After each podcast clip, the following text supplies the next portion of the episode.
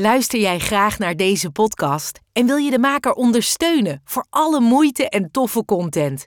Geef dan, als je wat kan missen, een digitale fooi. Dat doe je via fooiepot met een d.com zonder abonnement of het achterlaten van privégegevens. Dus fooiepot met een d.com. Heb jij een dierbare in je omgeving waarvan je denkt of weet dat hij of zij te maken heeft met een verslaving? Of worstel je zelf met een verslaving? Dan ben je hier op de juiste plek. Mijn naam is René van Kolm en na 30 jaar verslaving ben ik clean en in herstel vanaf 2010 en werk ik sinds 2015 als familiecounselor. Dit houdt in dat ik de mensen in de directe omgeving van iemand met een verslaving help. Want als je dicht bij iemand staat die verslaafd is, is het echt belangrijk dat je weet wat je wel en beter niet kan doen. In deze podcast, in samenwerking met Lev Magazine, neem ik je mee in de wereld van verslaving en de verslaafde. En leer ik je met mijn kennis en ervaring hoe jij hiermee om kan gaan, wat herstel is en wat je kan doen om jouw dierbaren te helpen en zelf overeind te blijven.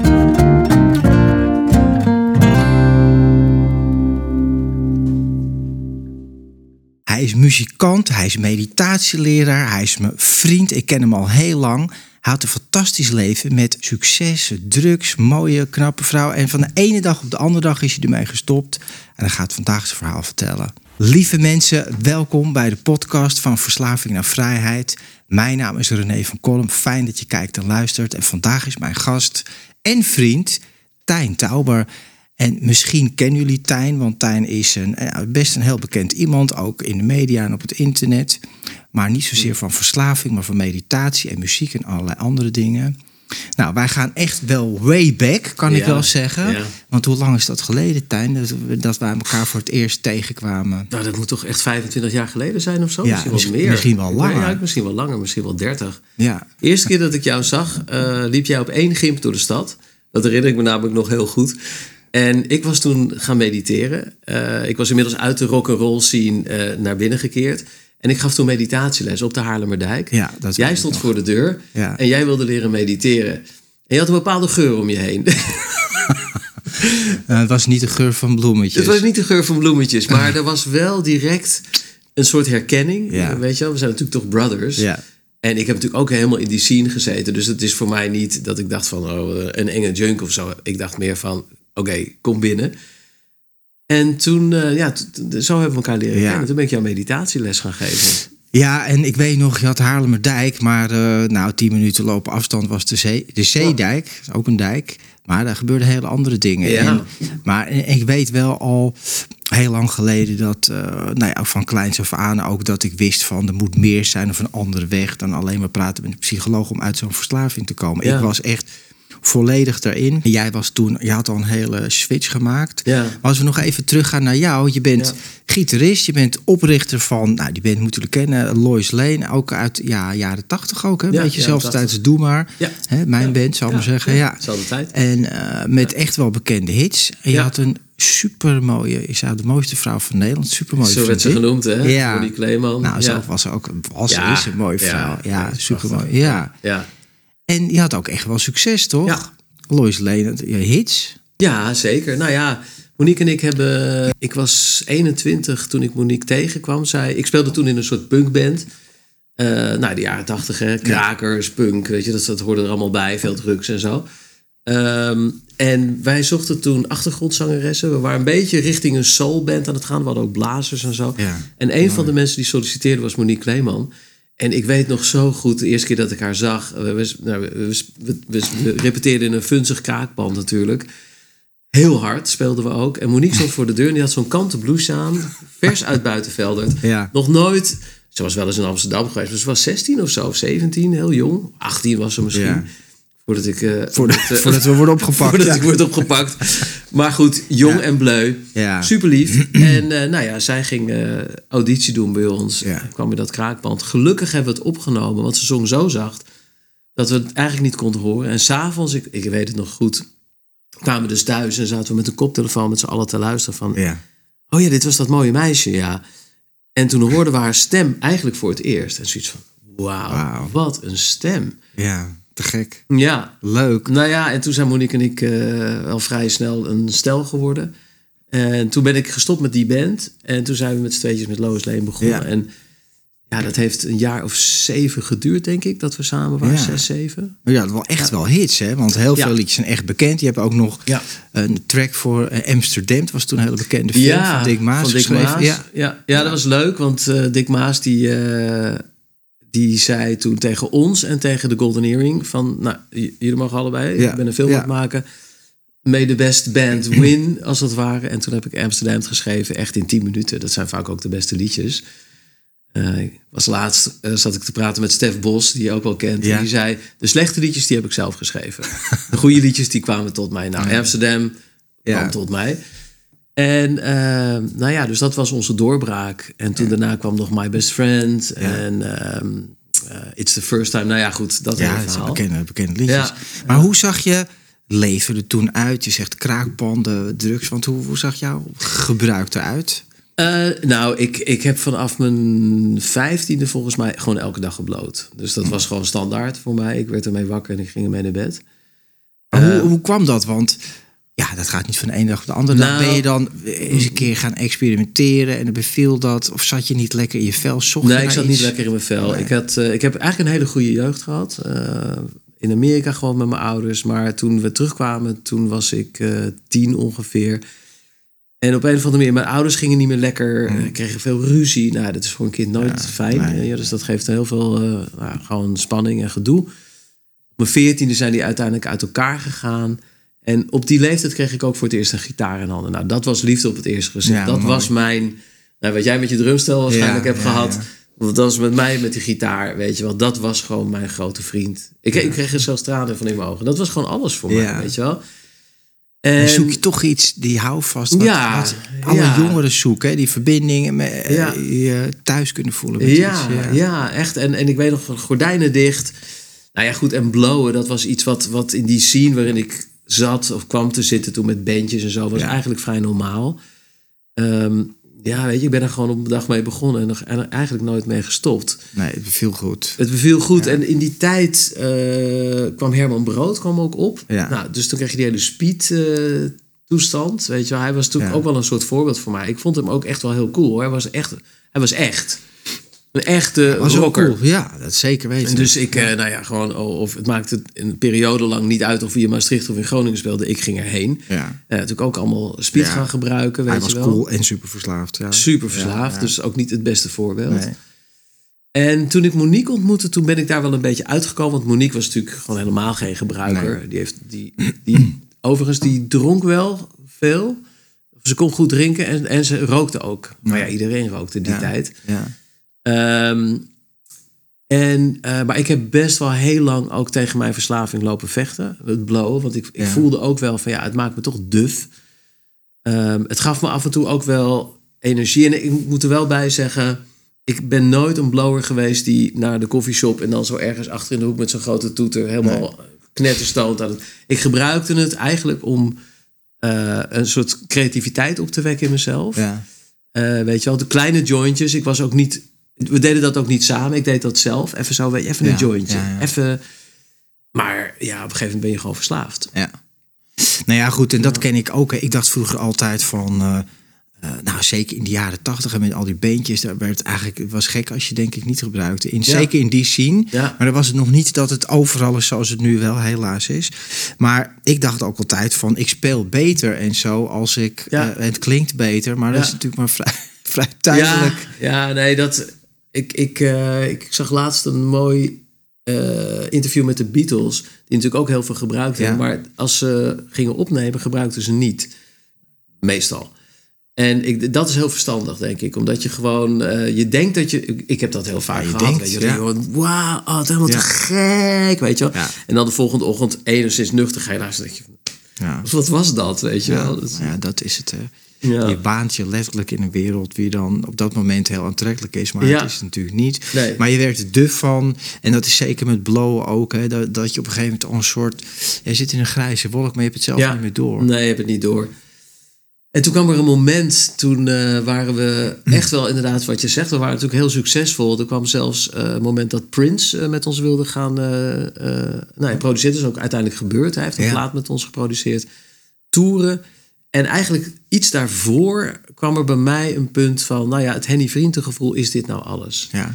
Weet je, ik speelde natuurlijk al heel lang toen, inmiddels tien jaar. Ik was toen 27, 28. Ik was toen al tien jaar in de popmuziek bezig. En uh, het is een slijtageslag als je dus leeft Ja. zoals ik leefde. Ja.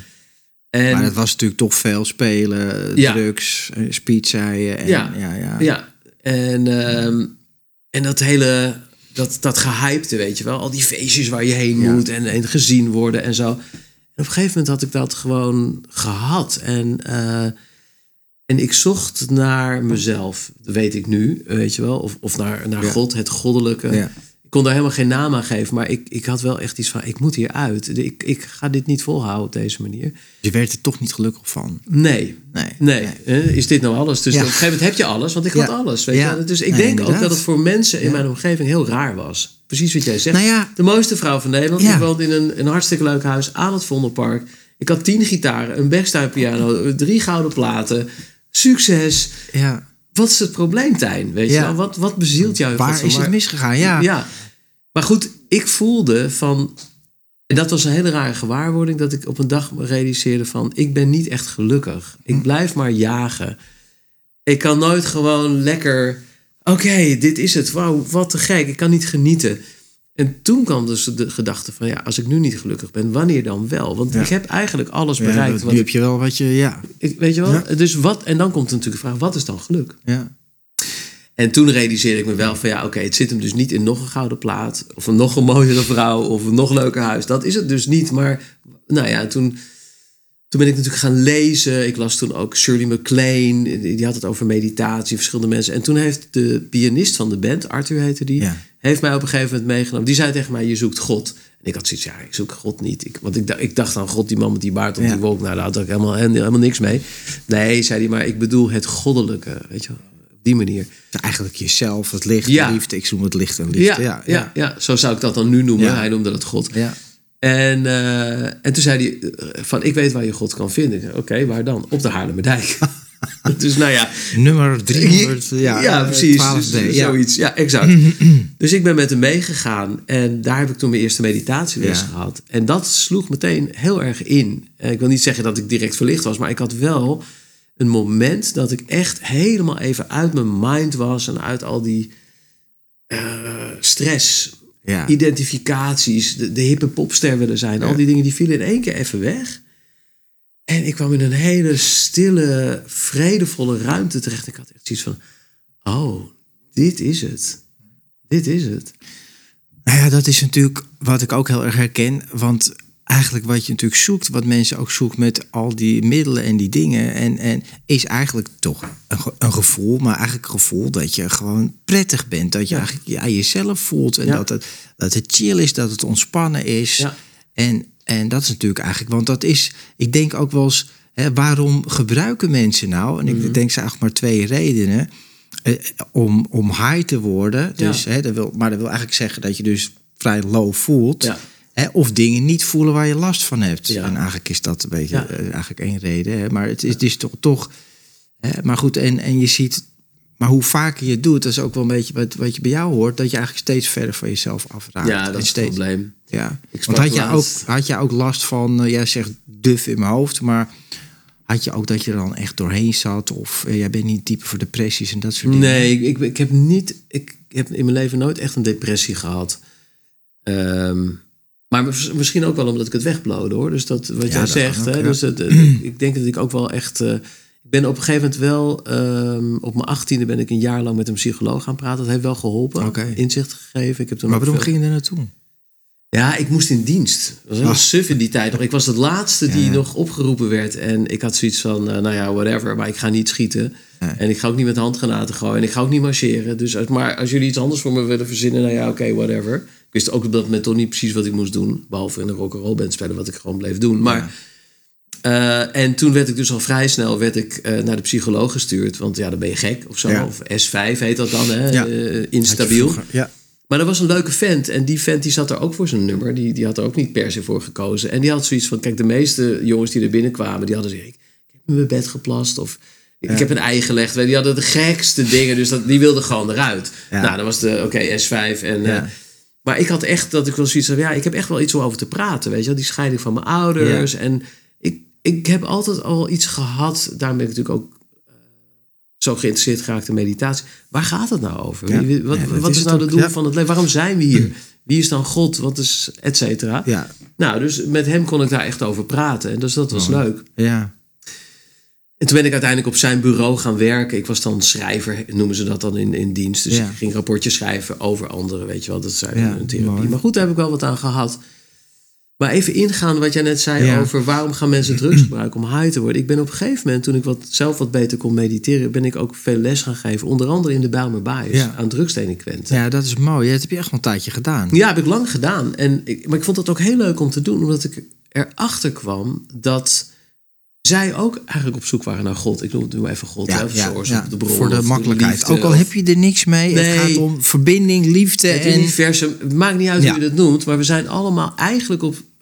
Ja, we, we hebben heimwee Ja. naar huis, naar waar we ooit vandaan zijn gekomen. En daar kun je duizend namen aan geven. Het is allemaal niet belangrijk. Maar en ik kwam er dus achter dat vrijwel iedereen die daar zat eigenlijk daarna op zoek was. Daardoor geestverruimende middelen ging gebruiken, weet je wel.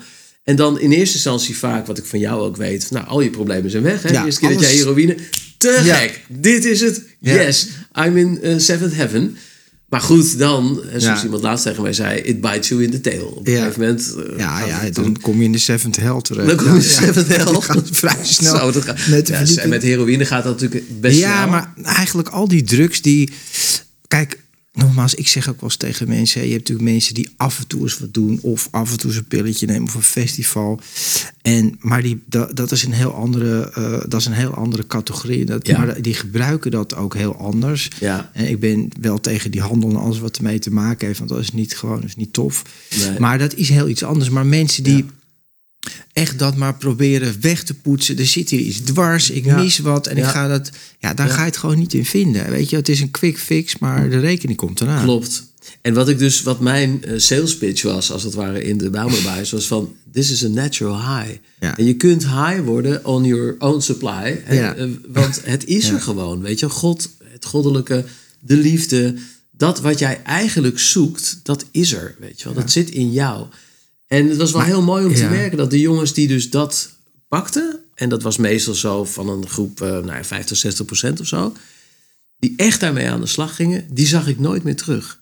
En dat is heel interessant, want ik heb daar dus jaren, kwam ik daar. Ja. Op een gegeven moment ken je, je kent sowieso alle bewakers, je kent, maar ook veel jongens. En zij vertelde me toen dat 80% valt gewoon weer terug. Ja, nou, dat ken zo. jij ook, Ja, hè? ik weet het. Dus, dus nou ja, oh, daar heb je Frenkie Ja, weer. Oh, ja, eh, dus- daar heb je die weer. Maar die jongens die dus dat, die daar echt voor gingen. En vaak zag je dan, die zetten hun televisie op de gang. Ik hoef dat ding niet meer. Ik wil me niet meer afleiden. Ik wil nu naar binnen. Dat zei ik ook tegen. Ik zei, jongens, het zijn meestal korte straffen. Hè. Die zitten daar niet omdat ze mensen hebben vermoord. Nee, maar nee, het is nee, toch gewoon, nou ja, drugsdiefstal. Je kent het wel. Ja, ik ken het wel, ja. Petty crime, maar ja, toch. Hè? Je, Ja. je zit er wel een aantal maanden of zo.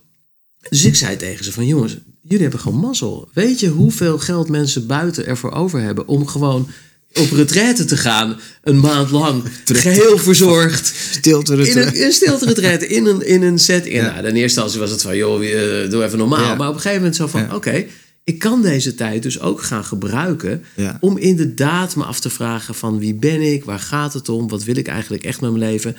Nou, dat, dat noem ik mediteren. Ja. Maar dat kun je noemen Ja, bewustzijn. Het, Ja. Echt naar gaan kijken, naar jezelf gaan kijken. jezelf voor, kijken. ja. De, de, Maar ik kan me ook wel voorstellen, er zaten natuurlijk ook wel, wel stevige jongens. En met tatoeages en van de straat. En kom jij binnen als meditatie. Ja, maar het leuke van mij was, ik spreek hun taal.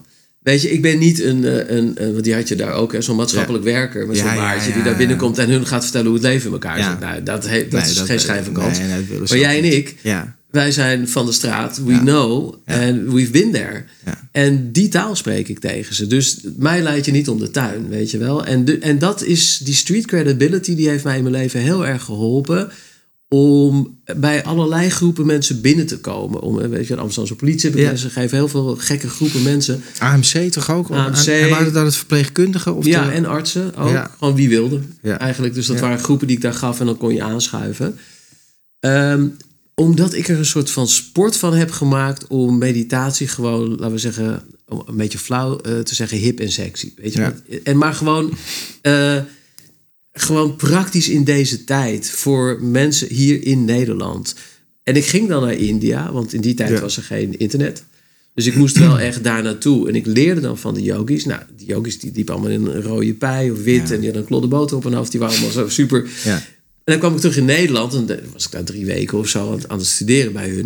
En dan dacht ik, oké, hoe ga ik dit vertalen eh, naar gewone taal? Zodat ze het in de Bijlmerwijs of op Lowlands, heb ik ook heel veel lesgegeven, snappen. Ja. Nou, dus dat is de sport eigenlijk. En, en daardoor, nou, is spoedcursus verlichting, mijn Ja. eerste boek. Die titel alleen al is natuurlijk een soort van vloek in de kerk als het gaat over yogi. Hè? Spoed, spoedcursus en verlichting, ja, dat gaat niet samen. Maar voor mij wel. Ja, ik vind nog steeds, ja, dat is dan mijn mening, een van je beste en eh, fantastisch boek, Verlichting.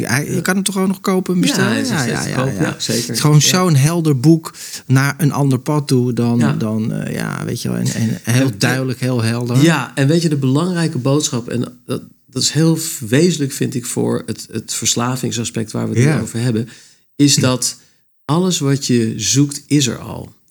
En eh, zolang je het buiten jezelf blijft zoeken, of dat nou is in een relatie, Ja. of in drugs, of in wat dan ook, dan, daar ga je het niet vinden, want dan ben je aan het zoeken. En dus je moet het omdraaien, je moet gaan vinden. En als je naar binnen keert, dan vind je het. het. Alles wat je zoekt, is er al. Je bent al liefde, er is al vrede. Ja. Je bent al volmaakt. Je bent al verlicht. Ja. Maar, niet als je het daar zoekt. Ja. Maar ja, dat is.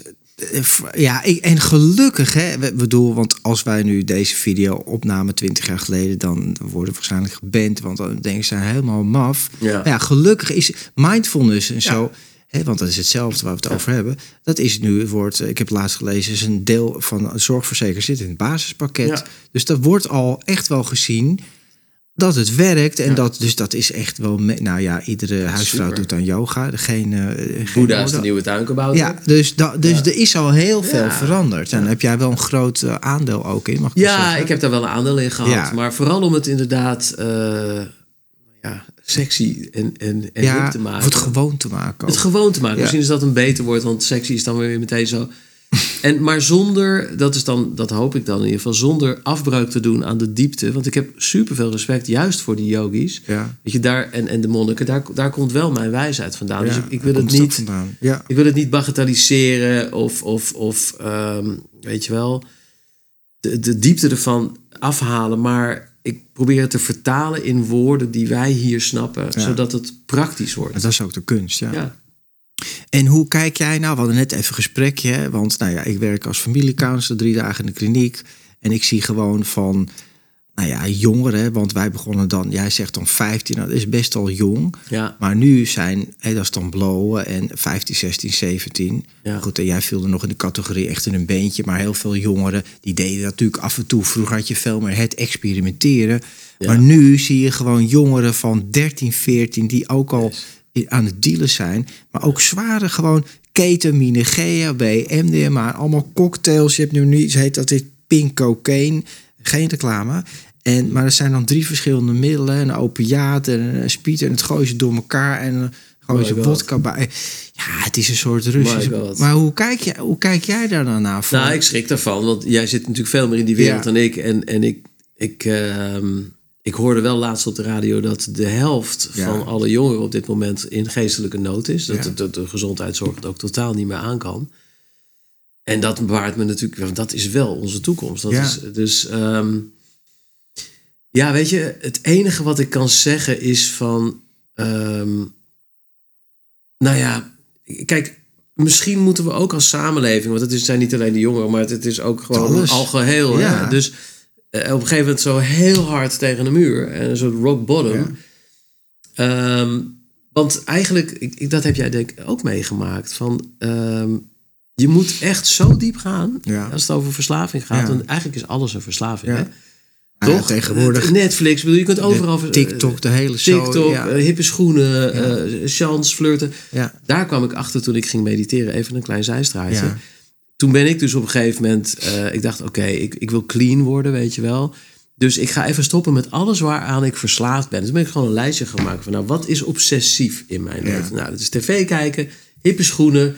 eh, flirten met vrouwen... ehm, nou, drugs, Ja. seks, eh, drank. eh, nou, eigenlijk zo'n hele Ja. lijst. Nou, daar stop ik allemaal mee. Dus ik ben van de ene op de andere dag ben ik met al die dingen gestopt voor een maand. Weet je, Ja. ik had zoiets van, ik ga dat een maand doen.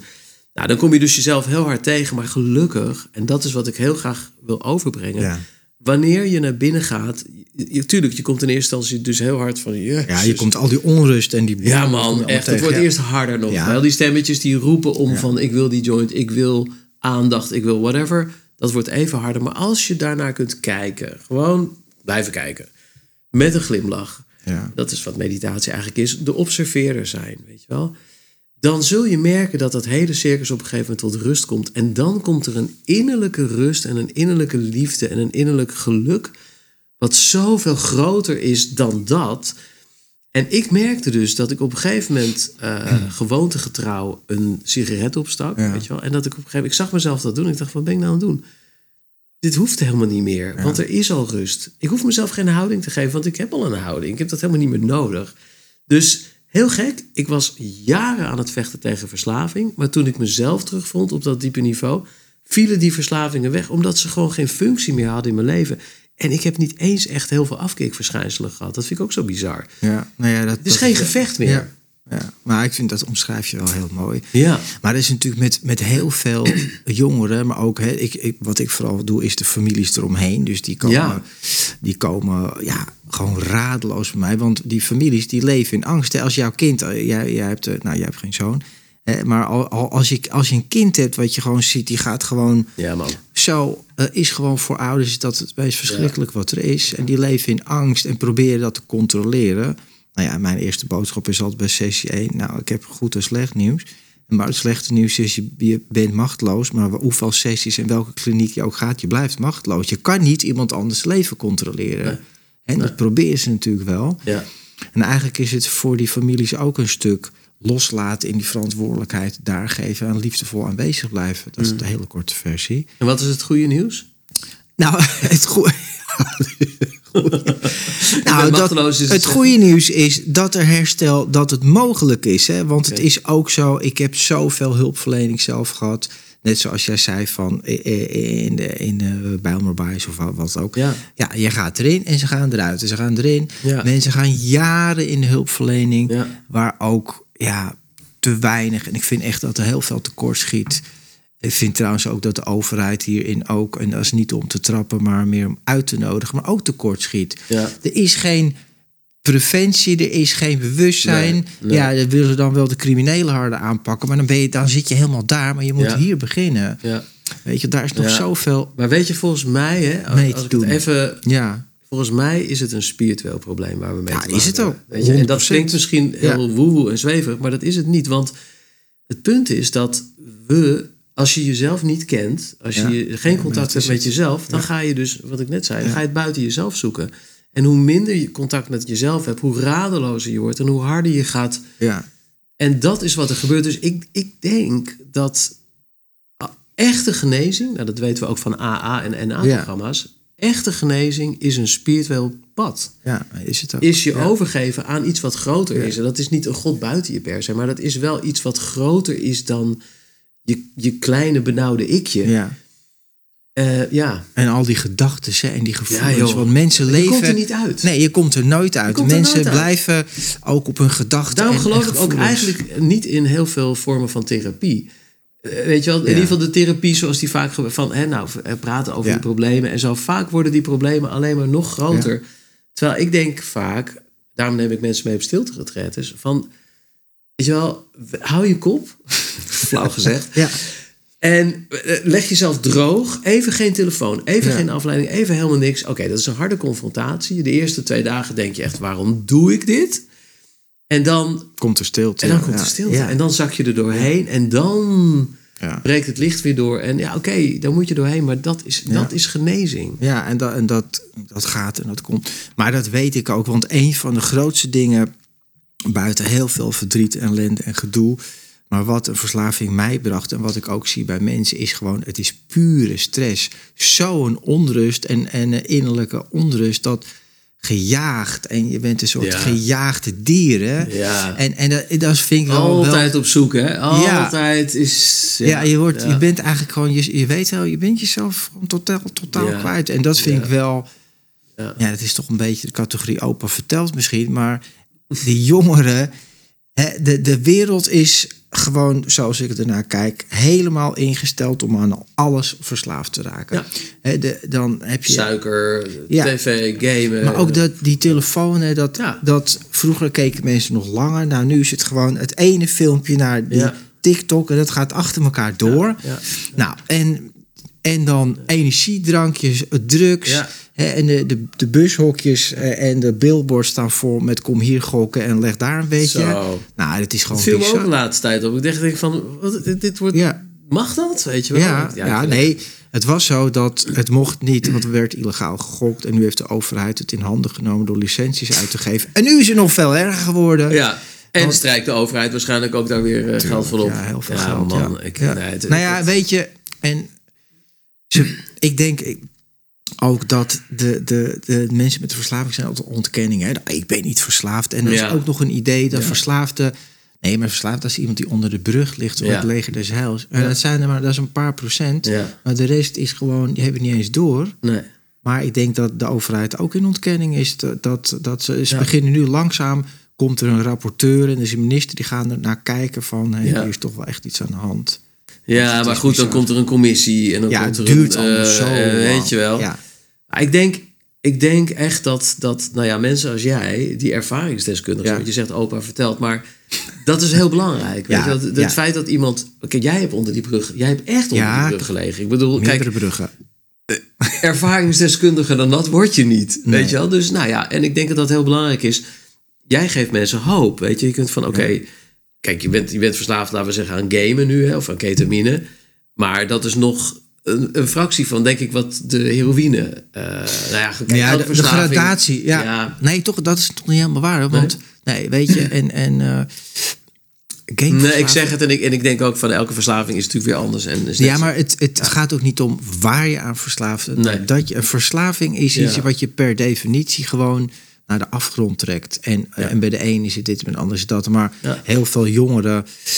eh, kijk, en, het- een, een game spelen met je vrienden en dingen is allemaal hartstikke leuk. Maar eh, je hebt heel veel jongeren die toch... En dat, deze wereld is moeilijk. Het is een ingewikkelde wereld. Ja. Verbinding maken, sociale contacten. Die zijn Ja. onzeker, die zijn angstig. Ik ben niet knap genoeg. Want je moet, als je op de telefoon kijkt, moet je wel heel knap zijn tegenwoordig. En gespierd wil je een beetje meedoen. Ja. Nou, meisjes moeten super knap zijn. Nou, als je dat allemaal niet bent en je hebt niet zo'n groot zelfbeeld, zijn online vrienden veel makkelijker. Ja. Maar heel veel, vooral jongens, die gewoon 10, 12 uur per dag alleen maar gamen. Ik denk dat die tijd ook niet geholpen Ja, dat is? Dat is toch een drama ja. geweest. Ja. Voor, vooral voor jongeren. Ja. Ik bedoel, dat toen, je werd gewoon... Ten eerste was er geen knuffel meer. Ik bedoel, hoe belangrijk is menselijk contact? We mogen trouwens, het wordt eruit geknipt. Want als je dat zegt op Ah, YouTube, oh, dan dan, gaat je- hij gelijk... ah, eh, Ik zal de, even- de gezondheid. De gezondheid Ja, dus die, die afgelopen paar jaar, hè, dus die Ja. rare toestand waar we in terecht zijn gekomen, is voor jongeren natuurlijk een drama geweest. Ja. Want weet je, we mochten niet knuffelen, er was geen aanraak. Je werd eigenlijk helemaal teruggeworpen op het scherm. Ja, Ehm, eigenlijk juist in de leeftijd waarin je contacten legt en naar buiten. En Precies, dat is ja. allemaal niet gebeurd. Dus ik snap wel dat op dit moment de helft van de jongeren in de geestelijke nood is. ja. Maar het is wel heftig. Het Ik zag Ja. het laatst ook op de televisie. De helft van de jongeren, de ene helft heeft de, de angst, eh, angst en paniekklachten. En de andere helft de, de depressies. Dat is Ja. toch ongelooflijk? Ja. ja, en dan is drugs wel heel makkelijk. Hè? Want Ja. ja. Maar wat is jouw quick- oplossing? Hoe, hoe, stel, jij bent minister van Volksgezondheid. Weet je Nou? En, en nou, je krijgt dus, je krijgt dus dit, dit, dit rapport voor je mee. De helft van de jongeren. Ja. Wat Nou ja, wat ik, wat ik heel mooi vind, wat ik laatst hoorde, want er gebeuren wel dingen natuurlijk. Ze zien ook wel van, dit gaat niet. hè. de jeugdzorg zit in code gids zwart en ze kunnen het niet aan. Wachtlijsten van maanden tot al. Dat hoorde ik ook, inderdaad. Ja, het is gewoon, Ja. eh, oké, zoek het eruit. Nou, wat ik mooi vind, kijk, wat, wat gebeurt bij die 12 stappenprogramma's, is dat mensen met elkaar gaan verbinden. Want Ja. dat is natuurlijk. Dus Ja. gewoon praten. Hè, jij hebt iets meegemaakt. Ja, ik weet ook hoe dat voelt. En wij gaan gewoon samen koffie drinken, een broodje eten. Hoe simpel kan het zijn? En hij is mijn dag al veel beter, want ik ben niet meer alleen. Ja, En dat gevoel van alleen, ik ben anders. Dus ja dat, dat zeiden ze. In Rotterdam is het al uit mijn hoofd. Gaan ze nu een soort. eh, gaan ze die jeugdzorg meer op de schop doen. En gaan ze eigenlijk. eh, jongeren met elkaar laten praten. Dus niet iedereen naar een psycholoog. Eh, Als het nodig is, moet je dat ook echt blijven doen. Maar Ja. en dat kan ook een aanvulling zijn. Maar ga gewoon met elkaar praten over hoe je je voelt. Dus veel Ja. meer. Maar ja, ook jongeren staan onder druk. Je moet presteren, diploma's, dit, dat. Maar Ja. gewoon dat stukje. Je leert alles op school, behalve hoe je je leven moet leiden. Ja. Dat leer je niet. Nee. Dus een stukje, nou ook Ja. wat jij doet, mindfulness, meditatie. Ga gewoon Ja. ook andere dingen met die jongeren doen. Je moet vroeg en jong beginnen. Een stukje preventie eh, en ook. eh, en niet zo van eh, drugs zijn slecht en dat, dat werkt ook niet. Maar wel Nee. bewustzijn. Waar ben je mee bezig? Vanuit de overheid preventie, filmpjes met echt bewustzijn. Maar ook Ja. mensen zien ook niet hè, als een... Want snuiven is echt normaal. Er wordt niet met het toilet gedaan. Dit is gewoon huppakee zo. ja, ja, Ze lopen hier in dit dorp ook gewoon met ballonnetjes, lachgas, gewoon zo. Dat is alle, ja, het, is, het is natuurlijk te gek dat je maar zo onder invloed bent. Ja. Maar ook laten zien, hey, wat doen dingen nou? Hoe werkt het nou? Ja. En ook waar komt het vandaan? Want als je dat hele plaatje ziet, hoe het allemaal gemaakt wordt en Mm. hoeveel eh, lijken ervoor vallen, is het toch Ja. wel. Ja, Maar, want als ik naar jou kijk, hè, Ja. van jij, jij bent genezen. Nou ja, kijk, laat ik zo zeggen. Ik, ik- kijk, sommige wat ik, mensen wat, denken daar heel anders over. Ja. Maar goed, nou ja, wat ik mooi vind van die NA en. AA-programma's. Ik zag laatst een mooi interview met Eric Clapton. ja. En die vertelde dus gewoon van ja, ik ga gewoon nog elke week daarheen hoor. Ja. Weet je wel, die is niet te groot daarvoor. Nee, die gaat ook nog steeds. Hij Ja. weet gewoon, ja, weet je, als ik dit niet doe, ja. Dan ga ik weer voor de bijl. En dat wil ik niet. Ja. Russell Brand ook. Ja? Russell Brand. grote gasten. En Anthony Hop- Hopkins, Ja. dat is, ja, die, is Ja. al, die gaat nog steeds naar de AA toe. Maar die mensen hebben toch ergens, eh, en dat heb jij volgens mij ook gehad, eh, een spiritueel ontwaken, of in ieder geval. ehm, ik weet nog dat jij mij belde op een gegeven moment. Want, ik, want ik, nou, we hebben toen een tijdje samen, hè, dus de meditaties en, en opgelopen. En, en er was ook echt duidelijk een klik. En Toen, toen Ja. op een gegeven moment, toen was je er weer een tijdje niet. Ja. En toen hadden we weer contact. En toen zat je in een afkeerkliniek, een Ja. lieve goedkliniek. Ben ik je nog een keertje komen opzoeken. En nou ja, toen hadden we weer geen contact zoals dat gaat. Ja. En toen belde je mij op een gegeven moment op. Ik heb een engel ontmoet. Ja. Ja. En die wil ik aan je voorstellen. Nou, en Margaretha, was die ken- is natuurlijk inmiddels een supergoeie vriendin geworden. Maar zij heeft jou op de een of andere manier ook geholpen om eigenlijk, nou, ik noem het dan maar even God, Ja. Eh, weer te voelen en te ervaren. Dus Ja. ik Nou ja, denk, en ik vind het, weet je, ik wil helemaal niet hier prediken of zo, maar ik denk als je echt wil genezen, dat je niet ontkomt aan een, toch een spiritueel pad. En dat hoef je niet spiritueel te noemen voor mij, maar noem het NA of Ja. A of whatever. Jezelf terugvinden, maar ik denk dat er geen andere weg is. En ik denk ook dat dit gewoon sowieso de weg is waar elk mens uiteindelijk Is ook zo. want dat wil je toch? Ik bedoel, elk mens op zijn sterfbed. Ja, het is toch die vraag: wie ben ik? Eh, waarom was ik hier? En, en heb ik gedaan wat ik wilde doen? Ja. dan kun je mee wachten tot je op je sterfbed ligt. Ja. Maar doe het gewoon nu, weet je wel. te laat, ja. Nou, dat is ook zo, weet je. En Margaretha, kijk, het belangrijkste is wat ik gewoon bij zie bij de jonge mensen, maar trouwens bij de ouderen ook, is gewoon, is de verbinding wordt steeds verder verbroken. Ja. Dus de echte verbinding, van Ja. zoals wij lekker zitten te praten, Ja. wordt steeds moeilijker en je raakt toch steeds. En dat spiritualiteit is natuurlijk ook verbinden. Hè? En of je het nou met God noemt, of, of Ja. met elkaar, of met je hart, of met, je, met de liefde. Het maakt allemaal niet uit. Al geeft het helemaal geen enkele naam aan. Nee, Gewoon precies. samen zijn, met elkaar zijn, Ja. praten echt over gevoelens. Want dat is ook iets wat ik gewoon tegenkom. Dat heel veel mensen spannend vinden. Omdat ze het zelf Ja. ook niet geleerd hebben. Ze ook heel veel ouders. Ja, Ja, wat moet ik dan zeggen? Wat moet ik dan doen? En die weten, die weten het. Het is gewoon. Ja, we leren dat ook allemaal niet. Dat We is zo dat niet. Is wat jij ook zegt. We leren op school. Ik bedoel, waar, eh waar eh Tajikistan ligt Ja. en welke oorlog Napoleon in Ja, zoveel. wat heb je Maar wat daar? heb je daar Helemaal niks heb je dat daar. kun je allemaal opzoeken als je wil op Google of waar dan Ja. ook. Maar de, de basisdingen, goed zitten, ademen, jezelf leren kennen, koken, eh, voeding, eh, noem het maar op, weet je wel. allerlei dingen. Het is gewoon Ja. leven, Ja. simpele dingen. Maar nou ja, en ook hoe ga ik om met als ik het moeilijk krijg? Want dat Ja. krijgt iedereen minder of meer. Relatie, seksualiteit, weet Alles, je wel, al die dingen. Ja, ja, dat is echt, eh, daar ontbreekt het nog aan. En wat zou je, heb jij nou een, een tip, zeg maar, voor, ja, zeg maar, als families of moeders, als je nou ziet van het gaat niet goed thuis. Ja. Nou, mijn ultieme tip, want dat werd me laatst ook eh, Ja. gevraagd. Eh, een vriend van mij, die, eh, die dat was vijf dagen geleden, die kwam ik tegen. En hij, hij zat in een, zijn broer was in een onmogelijk slechte situatie terechtgekomen. In de gevangenis, in een land waar je niet in de gevangenis terecht wil komen. En dan komt hij misschien nooit meer uit. Zo dat, weet je wel. En toen ook zoiets van, ja, wat ga ik nou tegen die jongen zeggen? Weet Ja. je wel? En, en wat, wat mij helpt, is wat jij zegt, hè?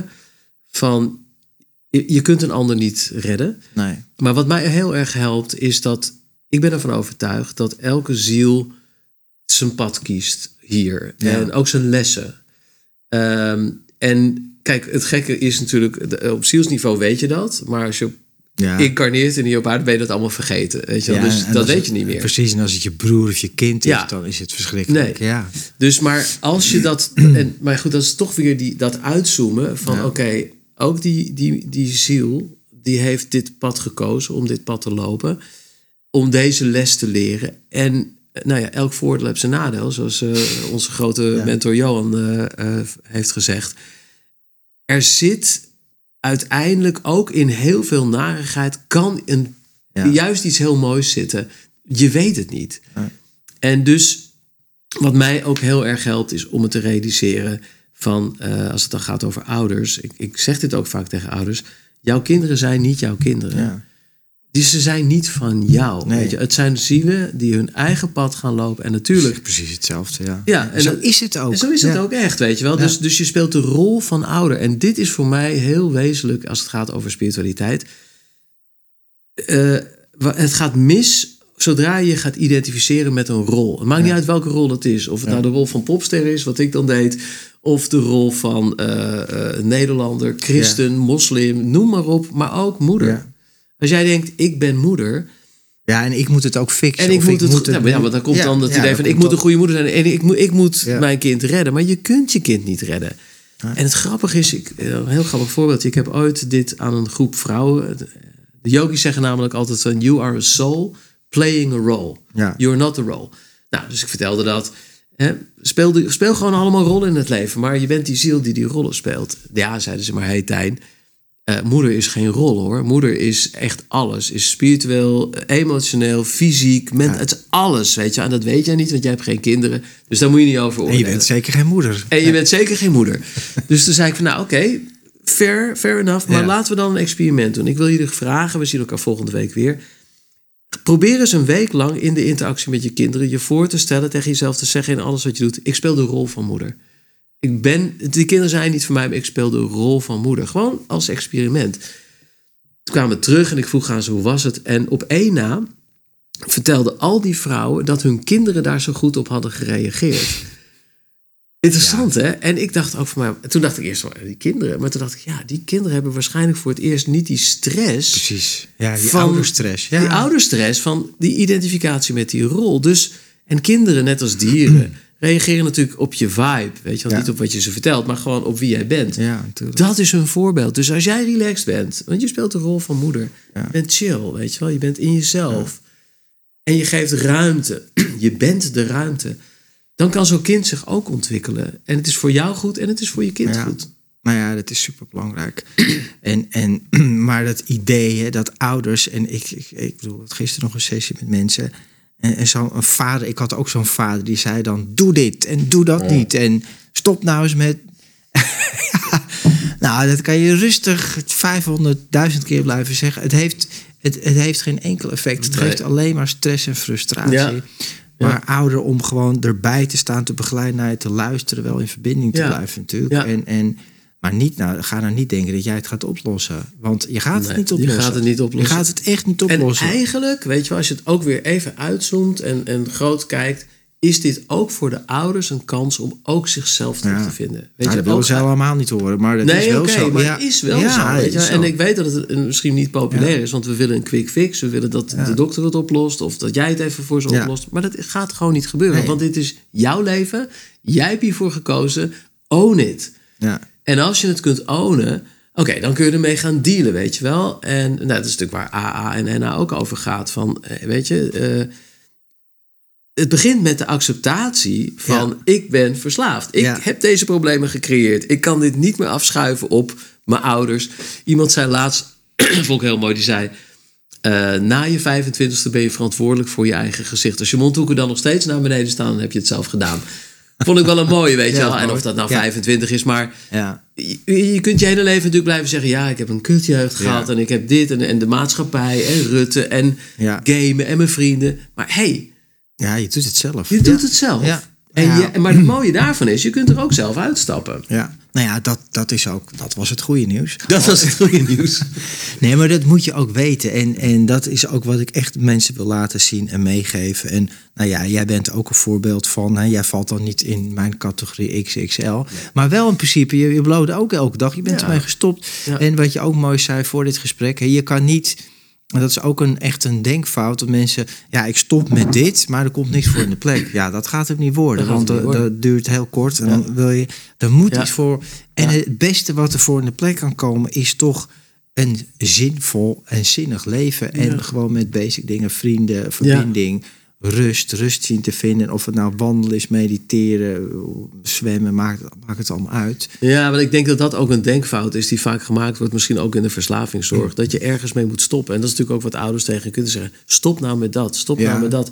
Maar inderdaad, ja, en dan stop je ermee en dan. Dan val je eigenlijk in Ja. een enorm groot gat. Dus Ja, er- moet precies. eigenlijk, en dat is bij jou en bij mij gebeurd, dat je werkt aan het innerlijke licht, ja. zal maar zeggen, weer aanzetten, waardoor de duisternis, nou ja, in eerste instantie heel zichtbaar wordt. Maar in tweede instantie gewoon steeds minder wordt, omdat er gewoon iets voor in de plek komt. Ja. Dat is zo belangrijk. Ja, en zo is het ook. En, en waar je dat ook vindt, hè? Want Ja. wie of waar je het ook vindt, ja. Ja. Maar wat ik nog wel even wil zeggen over jou ook, en dat vind ik wel heel leuk om eh, mensen die daar denken van, nou, dit vind ik toch wel een mooi verhaal, eh, en dat spreekt me aan. Eh, abonneer je op dit kanaal. Kijk ook eens bij Tijn Taubers website. Hij biedt heel veel dingen aan. En eh, deel deze video ook met anderen, eh, uiteraard. Maar wat Tijn ook doet, is ehm, ja, de huiskamerverlichting. Ja, Hè, maar stadsverlichting. stadsverlichting. Ja, precies, ja. Hè, dus Ja. dat allerlei plekken gewoon mensen bij elkaar komen. Want het is echt van ja, een huiskamertje. Hoeveel huiskamers zijn er nu ongeveer? in Nederland? 1500. 1500 zoiets, hè? huiskamers in Die Nederland. meedoen. Ja, En ik doe zelf elke zon- zondagavond geef ik een meditatie om 8 uur. ja. Waar mensen gewoon gratis aan mee kunnen doen. Het is ook allemaal gratis sowieso. gratis. Ja. Echt inderdaad bedoeld om ehm, nou, gewoon samen te komen. Community. Ja. Een uurtje samen stil zijn. Of een half uurtje. Maar Ja. een uurtje is, is, is beter eigenlijk. Ehm, ja. En, Een en uurtje dat- voelen. Ja. Ja, en was er ook niet een, iets van een schoolverlichting bezig? Of Ja, ja dus samen met, met Johan Noorloos in, eh, in Amsterdam op de Nieuwe Yogeschool hebben we inderdaad. Wat, wat wij zagen, en wat we horen van leraren, is, nou ja, dat, dat zie je ook, dus dat ontspoort totaal natuurlijk Ja, in klaslokalen. ja, en niet alleen de leerlingen, Ja. maar ook de leraren. De, de, over, de hoeveelheid burn-out Stress is gigantisch. is gigantisch, weet je wel. Dus toen dachten we van, nou in eerste instantie hebben ze te denken van, eh, zoals heel veel mensen nu aan het doen zijn, gewoon een nieuwe school oprichten voor kinderen. Ja. Maar dat is een enorm Nee. gedoe. Toen dachten we van, nou wat we ook kunnen doen, is een programma maken wat leraren kunnen implementeren, gewoon in de school waar ze al zijn. Ja. Met simpele tools, met een, bijvoorbeeld een klankschaaltje, simpele meditatieoefeningetjes, zodat je elk uur even momentjes van stilte en rust hebt. Ja. En dat is goed voor de leerlingen en het is goed voor de leraar. En, Ja. en er is best, in Engeland is er ook heel veel onderzoek gedaan, met name met transcendente meditatie. Dat eh, nou, er wordt minder gepest. Ja. Eh, Kinderen zijn gewoon leuker, maar leren ook beter. Dus het is ook gewoon praktisch. Ja. Voor, voor de schoolresultaten is het ook nog eens goed. Om eh, momenten van stilte en rust in te bouwen in het, in het zo verhaal. is het. En, en precies dat, hè, wat we altijd zeggen, maar wat we gewoon compleet vergeten zijn. En daarmee ga ik het ook afsluiten. Maar hè, je, je bent niet alleen maar, je bent niet een soort machine waar je brood in gooit en water en gaat Nee. hele dag. Nee, Ja. je bent veel meer. Hè? Dus Ja. de, de, de, maar dat innerlijke, geestelijke stuk, dat wordt gewoon helemaal vergeten. En Ja. als je dat ook geen voeding geeft, maar alleen maar werken en alleen maar presteren, ja, dan gaat gewoon, dat gaat gewoon mis. En, en de- al die gebieden, daar zal aandacht voor moeten zijn. En, en ook op scholen. Ik zou het heel mooi vinden als daar meer bewustzijn, maar ook gewoon, want er zijn wel landen waar ze het doet, gewoon een meditatie, Ja. alles is tien minuten, Ja. met de kinderen en meer met ze gaan praten. Dus dat Ja. soort dingen moeten er veel meer gaan gebeuren. Zeker. Nog even één dingetje daarover van eigenlijk, want op school leer je van eh, de, de meest gestelde vraag van ouders aan kinderen is natuurlijk van wat wil je later worden? Ja. En dus kinderen zijn alleen maar bezig met ik moet iets worden en straks ga ik, ben ik iemand of zo. Maar wat, wat waar meditatie en wat wij dus in die schoolverlichtingsprogramma's, je bent al iemand. Ja, je bent al en iemand. dat is eigenlijk Ja, de belangrijkste boodschap. Ja. Je bent al heel, je bent al liefde. En, en besteed daar gewoon even een paar minuten per dag aandacht aan. Om weer even gewoon te voelen van... Oké, alles is al goed, weet je wel. Ik hoef niks. En dan ga je daarna weer rekenen en taal en je dingen doen. Weet je, maar dan is er balans. Ja, maar dat is heel mooi. Ja, Tijn. Nou, mensen, jullie hebben het gehoord. Je bent al iets en je hoeft het niet te zoeken buiten jezelf. Nou, maar dat, dat is zo belangrijk. Je kan niet alleen maar rennen, vliegen en doen, weet je. En dat is nog een stuk. En zeker met de verslaving zijn mensen zichzelf helemaal kwijt. Ja. Dus je bent al iets en daar naartoe terugkeren gaat het om. ja. Ik vind het super wat je doet, René. Dat je gewoon vanuit... eh, nou ja, je bent, wat ik al zei, je bent een ervaringsdeskundige. Dat is natuurlijk heel belangrijk. En, eh, en je geeft hoop. Ja, nou ja, dankjewel. En hands-on, hè? Want je zit ook gewoon in die klinieken. Waar, eh, Zeker, het is, eh, je pittig werk. Echt, ja, geconfronteerd wordt met eh, ja, ouders. En, Ja, eh, ja. weet je, en, en ik heb het met die mensen eigenlijk nooit over spiritualiteit, maar ondertussen zit er overal in. Tuurlijk. Hè, eh, over Ja. loslaten. Ja, hoe moet je dan? Ja, het is allemaal makkelijk gezegd. En, Ja. Maar dat, dat gevoel, dat is zo belangrijk dat mensen gaan voelen: ik heb geen controle, maar ik kan wel zelf iets doen. En Ja. ik kan er gewoon liefdevol naast gaan staan. Maar hij of zij moet het doen. En hou op met, met proberen te fixen. Ja. Maar eigenlijk doen we hetzelfde. En Ja. waar ik- hè, dus die vertaalslag van eh, bij de politie, ik gebruik Ja. het woord meditatie ook nooit. Want ja, dan was ik daar waarschijnlijk nooit überhaupt binnengekomen. Maar je kunt met andere woorden, kun je, het, kun je toch die boodschap eh, brengen. Ja, dat is, eh, Dat is zo mooi. Ja, dat is, dat is nou fijn. Right. Nou, lieve mensen, dank jullie wel voor het kijken of het luisteren naar deze aflevering van Verslaving naar Vrijheid. Ik hoop jullie te zien bij een nieuwe aflevering. Nogmaals, deel dit, like het en abonneer je op dit kanaal als je dat nog niet hebt gedaan. Heel veel liefs. En van Tijn en van mij heel veel licht, liefde en kracht voor jullie allemaal. Geef de moed niet op. Dank jullie wel.